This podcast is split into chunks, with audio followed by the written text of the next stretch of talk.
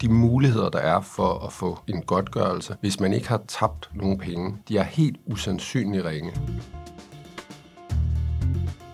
Når hele verden er i gang med at lave menneskerettigheder, og man øh, skal blive enige om dem, så møder Danmark op med et ønske om, at man rigtig godt kunne tænke sig at få lov til at tvangssterilisere altså, hvad hedder det, dem, man ikke synes om. Ikke?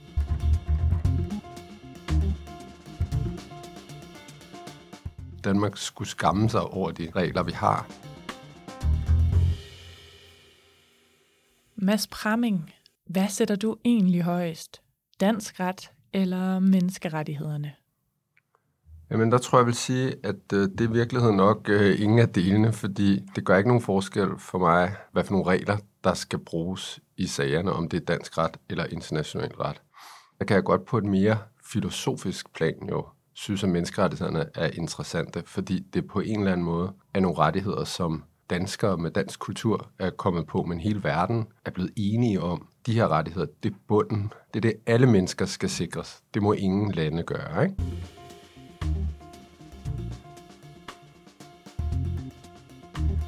Jamen, velkommen til dig, Mads. Og også velkommen til dig, der lytter med. Mit navn er Cecilie Ure, og ham, du lige hørte tale, er som sagt Mads Pramming. Mads, du er partner og medstifter af Emer Pramming Advokater. Du har skrevet en bog om at være ulige for loven og om at være advokaten på de svage side. Og så er du den advokat, som har vundet den første sag i Danmark, hvor menneskerettighederne fik en afgørende rolle i forhold til udfaldet. Du er med mig i studiet i dag for at tale om brugen af menneskerettighederne i dit arbejde, om dit syn på menneskerettighederne og om, hvordan brugen har udviklet sig. Så endnu en gang velkommen til denne episode af Magtens Tredeling, K-News juridiske podcastserie. Mit navn er som sagt Cecilie Ure. Jeg så dig holde et oplæg om menneskerettighederne i december sidste år ved en konference i Aalborg, hvor vi fejrede menneskerettighedernes 75 års fødselsdag. Og så vidt jeg husker, så sagde du, at menneskerettighederne udfylder huller i dansk lovgivning. Hvad mener du med det? Jamen det synes jeg, det er i hvert fald sådan en tanke, eller noget, der begyndte at fylde noget hos mig, eller sådan, hvorfor, det egentlig, hvorfor det egentlig er så spændende. Fordi jeg er ikke så optaget af menneskerettigheder på den der folkeretlige måde, altså hvad gør vi for at sikre, at menneskerettighederne i hele verden bliver opfyldt, og sådan den der, hvad skal man sige, internationale spor i det.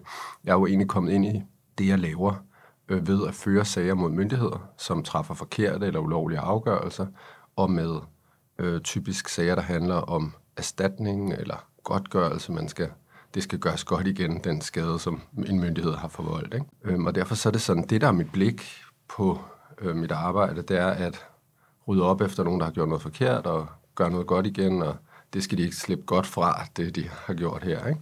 Og øh, det er der et godt, sådan rimelig godt system for i Danmark i erstatningsretten.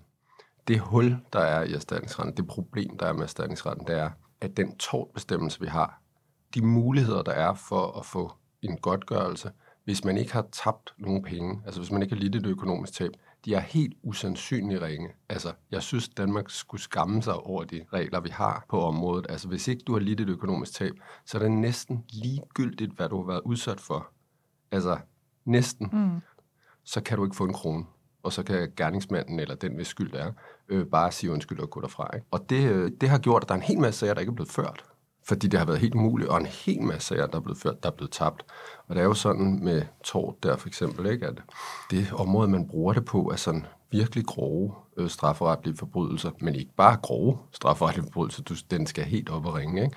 Jeg tror, en gruppevoldtægt, det er 70.000 kroner, man får for det. Ikke? Jeg havde en af de de tre piger i den der den sag, der hedder Slagelse-sagen, som handler om nogle piger, der blev brugt og udsat for psykisk vold og øh, alt muligt i en plejefamilie, hvor kommunen havde placeret dem i hele deres barndom. Der var en af pigerne, der ved domstolen fik 10.000 kroner for øh, de lidelser, hun havde haft øh, under hele øh, sin barndom. Ikke? Det, det er det, vi kan skrue tårtbestemmelsen op til i Danmark. Ikke? Og det betyder jo, at når beløbene er så lave, at det nærmest bliver en fornærmelse, ikke? men det betyder i hvert fald også, at der er ikke noget, der er ikke noget, der er nogen muligheder i. Og det synes jeg er et problem, og det synes jeg er mærkeligt. Det virker totalt utidsvarende. Ikke? Og der kan man sige, det har de heldigvis i resten af verden, eller i hvert fald i, i menneskerettighedskonventionen. Ikke noget, hvor det er mere rimeligt. Men har vi brug for det i Danmark, når man nu har det i menneskeretten? Altså er det så problematisk?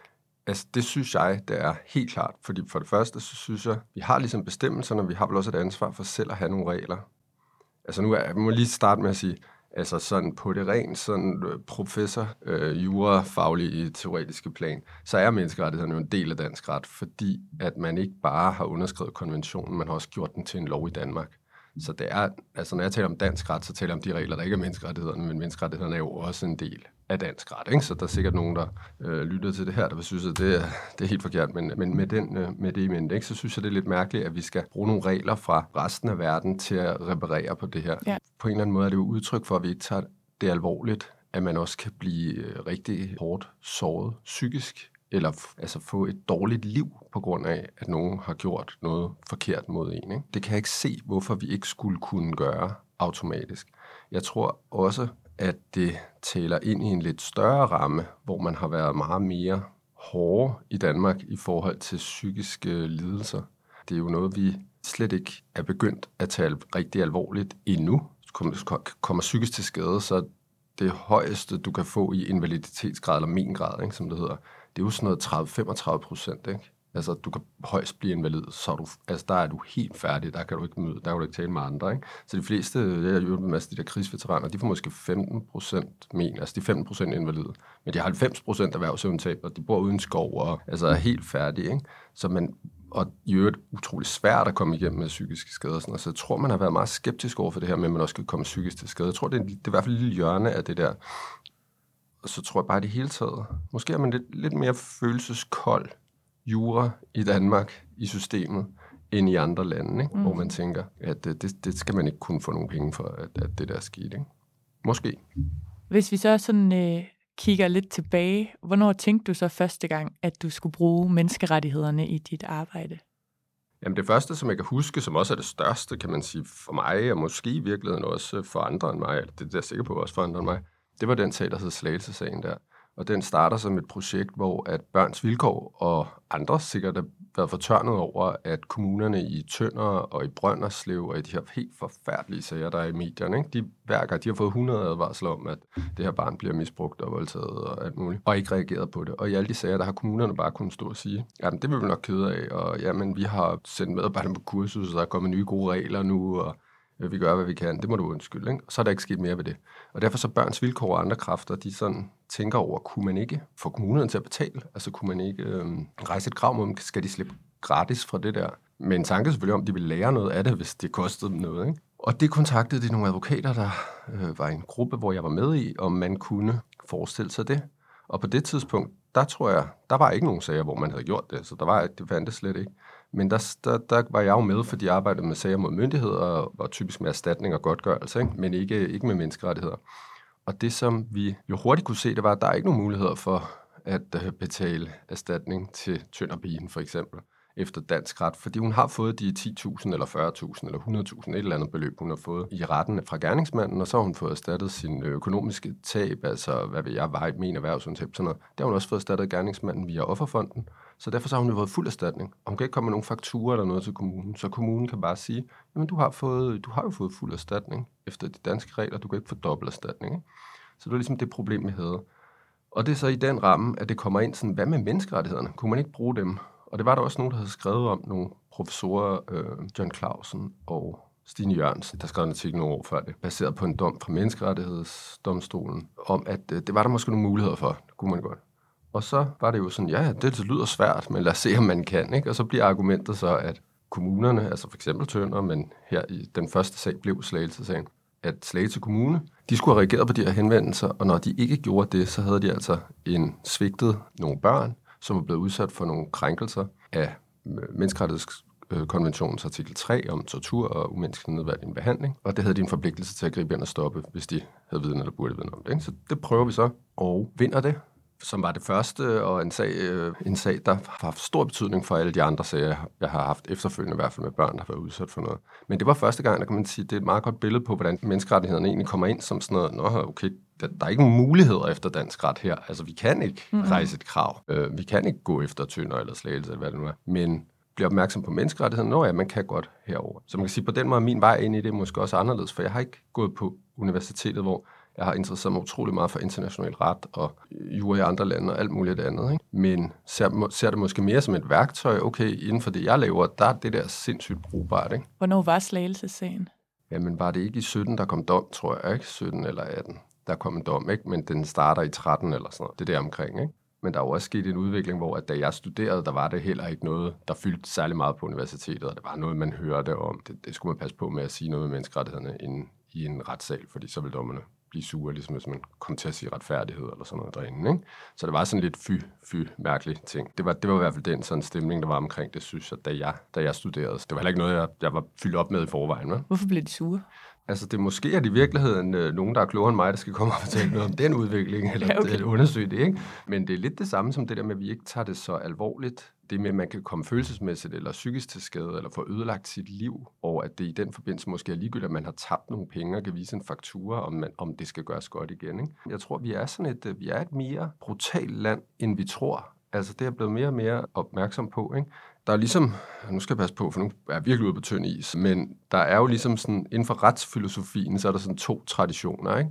Der er eller sådan en klassisk etisk diskussion om, øh, hvad der er godt, og kan man tale om retfærdighed, ikke? Der er ligesom to skoler inden for det. Der er den skole, der siger, at der er sådan nogle naturlige rettigheder øh, i gamle dage, der udspringer af Gud eller naturen, øh, så bare nogle grundrettigheder, alle mennesker har. Det er det, menneskerettighederne er funderet i, ikke? den tanke. Så er der den anden retning, hvor at vi har en dansk øh, retsfilosof og øh, meget øh, anerkendt jurist, og jo super øh, kendt i udlandet, der hedder Alf Ross. Han var ligesom fortaler for det modsatte, altså at retfærdighed er årsagen til alle krige og alt ondt i verden. Jurens rolle er at føre reglerne ud i livet, ikke at tage stilling til, om reglerne gælder eller ej, og sådan noget, osv. osv. Og der er selvfølgelig noget fornuft, masser af fornuft i begge to, men i Danmark er man sådan hardcore på Alf Ross siden, ikke? Så hvis der i reglerne står, at jøderne skal i gaskammer, så er det lovligt at gøre det, for, altså gøre det helt ekstremt, ikke? Men altså sådan, det, der er ikke nogen grundrettigheder, der er ikke noget, der, der, er ikke noget, der er retfærdigt, det kan man ikke blive enige om. Det er i hvert fald det, der sådan er den gamle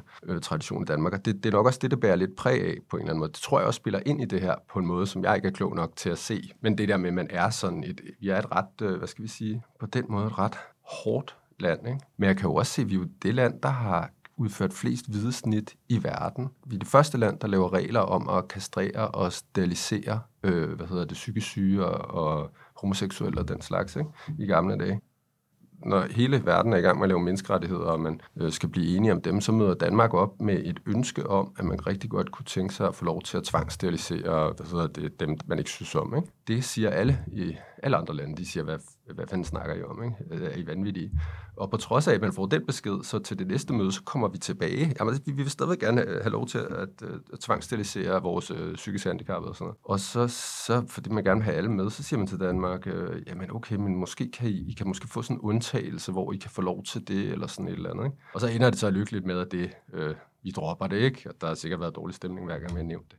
Men det er lidt den energi, altså hvad man sige, det gamle Danmark kommer med. Ikke? Jeg kan også se på de ting, vi har lavet i, i Grønland, som man sidder med en del sager deroppe fra nu. Det var ikke det, jeg lærte i skolen med, at de skulle være heldige, at det ikke var amerikanerne, der kom, og vi har været så søde og flinke. Sådan, det, det er ikke, det, der er en anden øh, virkelighed derude, ikke? og en hel del af det er jo også øh, skriftligt. Ikke? Vi er bare mere ufølsomme tror jeg, end mange andre lande her i Danmark, ikke? eller i hvert fald systemet. Vi har en Alf Ross-energi, eller Ja, hvad? det tror jeg, vi har, og det er egentlig ikke for at smide ham under bussen, fordi der er super meget klogt i det, han siger, ikke? men altså, man er helt klart opdraget med, at retfærdighed, det er et fyord. Altså, jeg tror, det er det ikke, at det er derfor, man ikke må sige retfærdighed. Det er fordi, alle stammer øh, fra Alf Ross, eller hvad man nu skal sige, ikke? Ja. og det er i hvert fald ikke det, vi er her for i retten at tage stilling til i dag, det er ikke om reglerne er retfærdige, det er om betingelserne i paragraf 39 er opfyldt eller ej, og det er de regler, der er demokratisk vedtaget, og vores opgave som dommer og advokater, det er bare at se, om de er det eller ej, ikke at tage stilling til, om det er retfærdigt, det er det eller ej. Og sådan er det altså også ret meget stadigvæk. Altså, vi er stadig konservative på den der måde. Ikke? Og, og fordi menneskerettighederne jo også oser af noget med retfærdighed, og i øvrigt udspringer af noget naturret, ikke? så tror jeg, det har været lidt den samme stemning om det. I hvert fald i gamle dage, og måske også øh, da jeg læste det der, der måske er en udvikling på vej.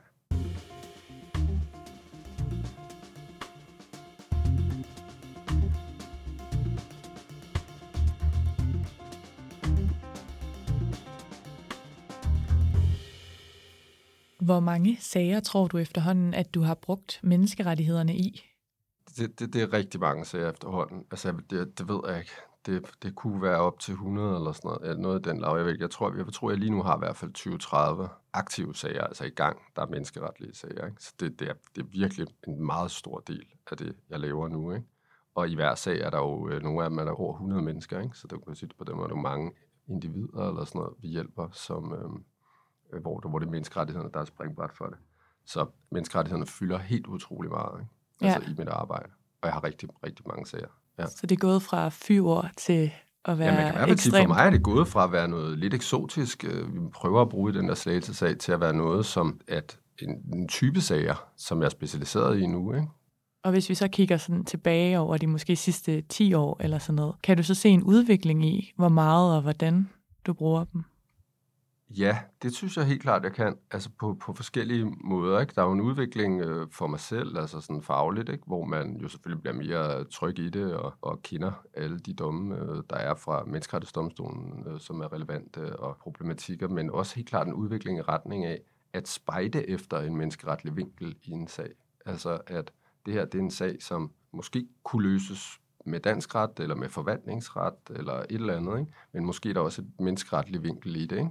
Så det, er også, det kan også nogle gange være noget puttet på en sag, kan man sige, ikke? som ellers tidligere ville have været. Den her sag handler om, hvorvidt kommunen har svigtet øh, min øh, klient ved ikke at øh, give det her handicappede menneske de hjælpemidler eller muligheder for at øh, øh hvad hedder det, komme ud uden for en dør, eller hvad ved jeg, ikke? et eller andet. Ikke? Det, det, det kunne man godt føre en sag om på det forvaltningsretlige, ikke? Men det jo, lyder jo, nu var det bare noget, jeg fandt på ud af det blå, ikke? men det lyder jo så samtidig som en krænkelse af alt muligt. Øh, det kunne være noget diskrimination ikke? Så for menneskerettighederne. Øh, det kunne være noget med øh, retten til familieliv eller privatliv eller sådan noget. Ikke? Så der er, der er tit en menneskeretlig vinkel også. Ikke? Og det, mm. der synes jeg også helt klart, der er en udvikling i retning af, at dem opdager vi nu. Kan man sige, at det er gået fra at være sådan en nødløsning til at være noget, I bruger mere aktivt? Ja, man kan sige, du har i hvert fald ret i, at det starter som en, nødlø- eller starter som en løsning på det problem, at vi ikke kan stille kommunerne til ansvar, når de har stået og ignoreret, at der var børn, der blev øh, voldtaget og misbrugt. Ikke? Så det, det kan man jo godt ja, kalde en nødløsning, eller den eneste mulighed, ikke? en løsning på det problem. Og så ja, helt klart til at, til at være noget, som, altså, som nu bare et værktøj, der er nede i værktøjskassen, ligesom alt muligt andet, og som vi bruger rigtig meget. Ikke? Øh, hvis vi tager et andet eksempel, øh, mm. eksemplet om Anna fra Lolland, som nok mest er kendt som svømmepigesagen. Her brugte du også menneskerettighederne, og hvad manglede i den forbindelse i dansk lov, som ligesom gjorde det nødvendigt? Jamen, den er det perfekte eksempel på det, som jeg har talt om, eller vi har talt om indtil nu, fordi det er en sag, som advokatsamfundet og Justitia beder mig om at føre, fordi de er blevet opmærksomme på det problem, det er, at man ikke kan få erstatning for det velfærdstab, eller de øh, hvad hedder det, gener, man har haft i sit liv, øh, hvis nogen har handlet forkert. Ikke? Øh, det vi lige har talt om. Og her, det, det man tænker, tænker på indledningsvis i advokatsamfundet og justitia, det er sådan måske de der hjemmehjælpersituationer, hvor at hvis en kommune øh, stopper al hjemmehjælp til, lad os bare sige, øh, 100 borgere, bare fordi de vil gerne vil spare. Hvis de borgere, så dem af dem, der, der er nogle af dem, der ikke vil klage, dem man har sparet på, så er der nogle af dem, der vil klage, og den klagesag vil måske tage to år eller et eller andet. Og når den klagesag er færdig, så får de kommunen måske at vide, at det var helt ulovligt. I skulle, de har super meget ret til hjemmehjælp. I skal skynde jer at betale, øh, give dem hjemmehjælp igen. Ikke?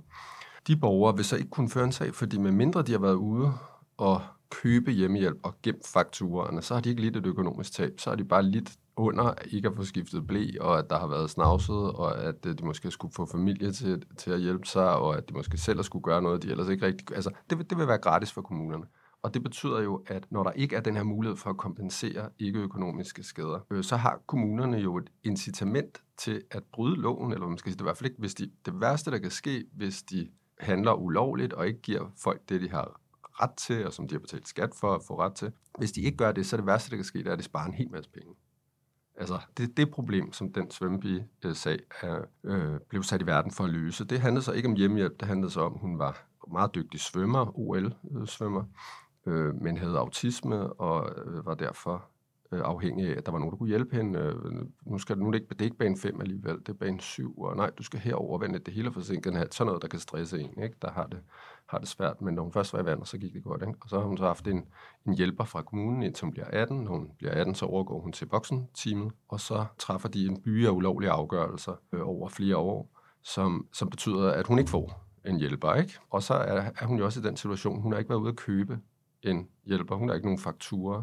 Hun har bare haft det svært i meget lang tid, når hun har gået til, til de her svømmestævner. Og det, der er ingen tvivl om, at det er sådan en retsstridig krænkelse, altså at det, er, at det har været øh, kulpøst, eller det har været helt forkert, det kommunen gjorde ulovligt. Ikke?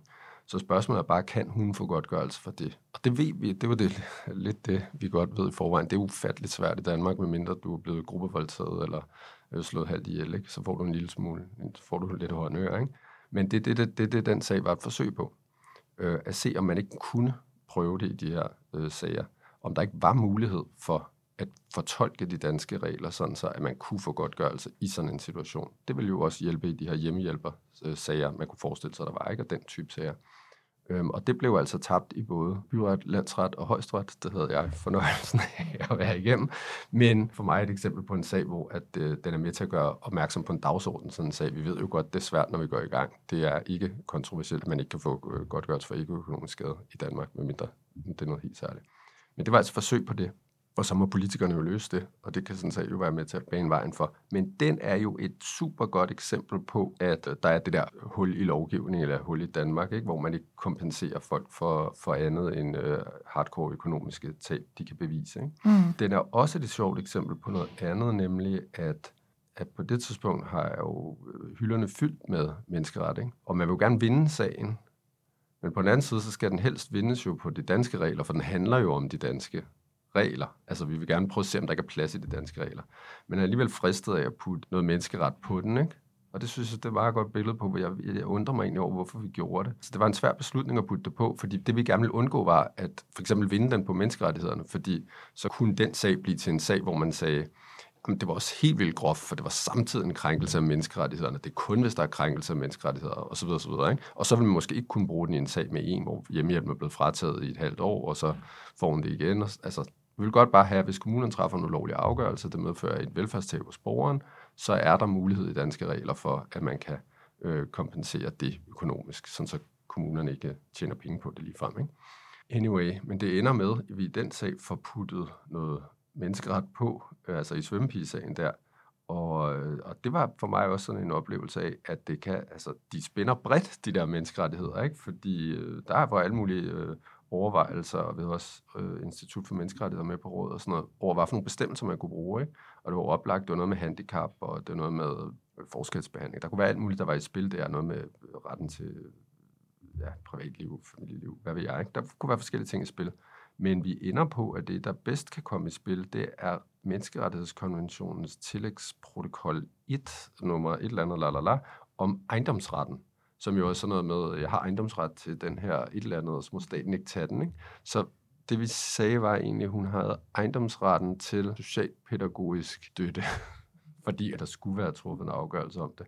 Og når man ikke gav hende det, så var det en krænkelse af hendes ejendomsret til det her. Ikke? Det lyder langt ude, men det, det vandt vi. Det var svært at læse om, sådan, så vi ikke vandt det spørgsmål. Ikke? Øh, så på den måde er sagen også et eksempel på noget andet, nemlig at man tager de der menneskerettigheder helt vildt alvorligt og faktisk også en, en højstretsdom, hvor at man går rigtig dybt ned i det der menneskeretlige spor.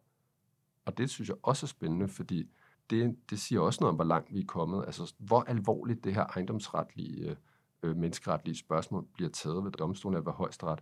Fordi i byretten, der siger de, vi har, det samme, vi har den samme pakke med, kan man sige, i rundtal. Ikke?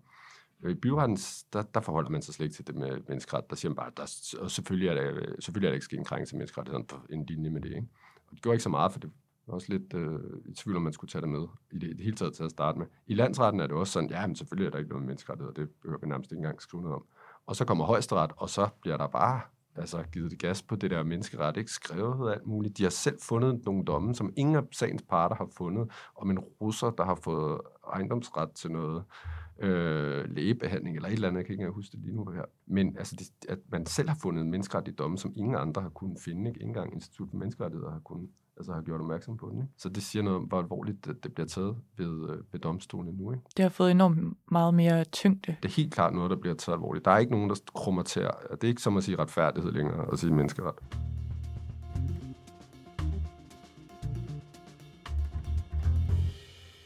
Jeg har læst din bog, Ulige for loven, advokaten på de svage side, som som sagt udkom sidste år. I bogen opridser du en del af de sager, du har ført mod systemet, og du kommer blandt andet med endnu et eksempel, nemlig eksperimentbørnene fra Grønland. Hvordan bruger du menneskerettighederne her? Den minder jo lidt om godhavnsagerne og, øh, og forskelligt andet, jeg har ført. Man kan sige, det, det specielle i den sag, og en, nogle andre, en del andre sager, jeg også har fra Grønland, det er jo, at det også er noget øh, diskrimination. Altså mange af, de, de, mange af de ting, der er sket, og mange af de øh, regler, der har været i Grønland, og mange ting, der er foregået, de er jo ikke foregået samtidig på samme måde i øh, Danmark, altså i Jylland, eller på Fyn, eller på Sjælland. Altså, så, og det, vi er jo et land på det tidspunkt, ikke? og derfor så er der jo helt klokkeklart noget diskrimination, og det er jo ikke noget diskrimination, man prøver at skjule. Altså, der står jo i de officielle papirer, ministeren, hvad vi jeg skriver, at de er et, et befolkning på et lavere stående øh, Øh, civilisationsmæssigt øh, stadie, og de er usiviliserede, og derfor har de ikke brug for de her regler, eller skal det være de der regler for dem. Ikke? Så der er, noget, der, der er noget diskrimination, og derfor også noget historisk i det, som jeg synes er rigtig spændende at arbejde med, altså noget med øh, at gøre op med de, de krænkelser, der er foregået øh, i Grønland. Ikke? Øh, men der, der, der er det her diskriminationsspor. Altså eksperimentbørnene, som var 22 børn, den danske stat fjernede fra deres familier. De, man ledte efter, den danske stat ledte efter nogle begavede, kvikke, meget små børn fra øh, Grønland, som de kunne øh, tage til Danmark, gøre dansktalende og gøre til sådan en dansktalende elite, man kunne sende tilbage på Grønland. Og, og så kunne de styre det derop, fordi det, der, øh, det man kunne høre på jungletrummerne, det var, at det var blevet upopulært med kolonier i FN, og derfor var man bange for at miste Grønland. Og så tænkte man, hvis vi nu mister det, fordi at øh, FN og de andre lande synes, det er upopulært, men man har en koloni, så, vil, så kunne vi jo have 22 elite øh, danskere deroppe, der kunne styre det. Så gør man så, sejler man skib op og tager, øh, finder 22 kvikke børn og sejler dem til Danmark, og de ser aldrig deres familier igen, og de kan ikke grønlandsk længere, og de, de bliver gjort til danskere. Øh, og undervejs så glemmer man det der eksperimentet der, fordi det, det er ligegyldigt nu, fordi man har bare gjort Grønland til et amt, og man fandt ud af det på nogle andre måder. Men det har jo været, haft kæmpe stor indflydelse på deres liv, ikke? og der er faktisk kun seks af dem, der lever endnu.